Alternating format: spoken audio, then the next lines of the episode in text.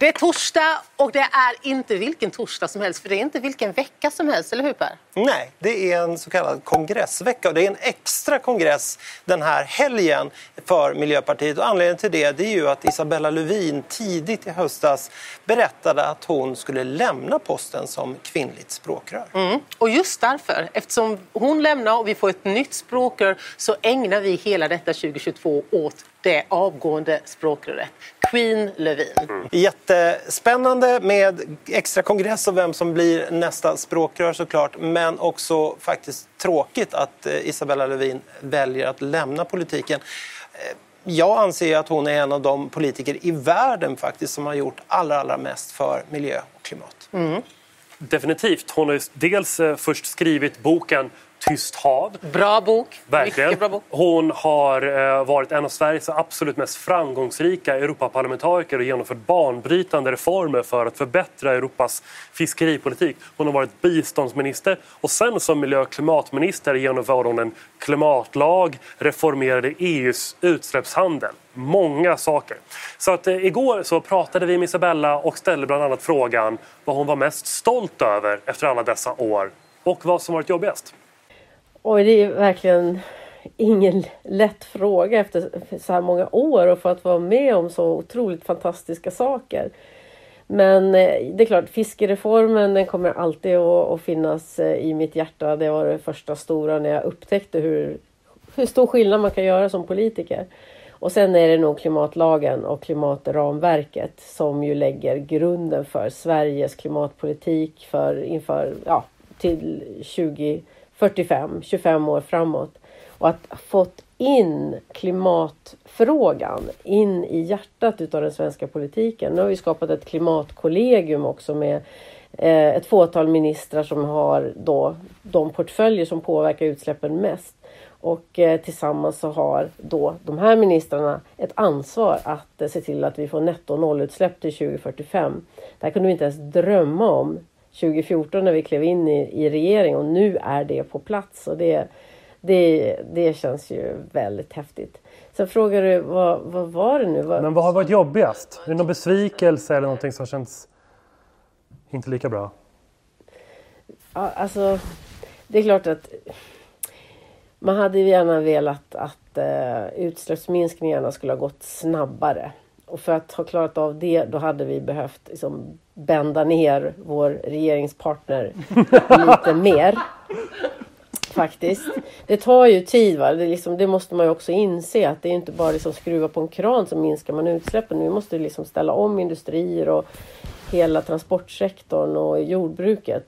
Men vi kanske hade behövt ha liksom ännu mer allvarliga eh, reformer i början av, av förra mandatperioden för att få ner utsläppen. Så, så det, det är mitt råd till min efterträdare att vara inte blygsam utan liksom kör hårt nu. För nu, nu, nu liksom, när vi kom in så var bordet tomt. Nu är bordet dukat med ett klimatramverk och massor med pengar och reformer och nu liksom bara köra och minska utsläppen. Du, den där typen av frågor har du säkert fått svara på mycket nu eh, senaste veckorna framförallt. Men den här frågan kanske du inte har fått svara på. Vad är, tycker du, det, det knäppaste, galnaste som du har varit med om under de här åren? Nu vill vi ha stora avslöjanden. ja men kul. Ja Per. Uh, uh, alltså det är ju jättesvårt att, att liksom peka på en grej en av de mer, alltså, lite mer seriösa eh, svaren på den frågan det kanske är när jag var biståndsminister och var den första EU-ministern som övernattade i Mogadishu i Somalia sedan kriget. Eh, och jag fick eh, sova i en eh, granatsäker container med en jättefin IKEA-säng och jättefina liksom, affischer på väggen. Allt var inrett med IKEA-möbler och eh, fina lakan från IKEA och så på kudden, ni vet när man är på hotell så ligger det en chokladbit. Men eh, där låg det en skottsäker väst och en hjälm och ehm, det var ju liksom, då fick man verkligen nypa sig i armen för att förstå att det, liksom, det, här, det här sker på riktigt nu. Och det, det, det var en absurd situation men det är en absurd verklighet som människor lever i, i Somalia. Ja. Och, och vilken, vilken upplevelse och vilken berättelse. Och det föranleder min fråga.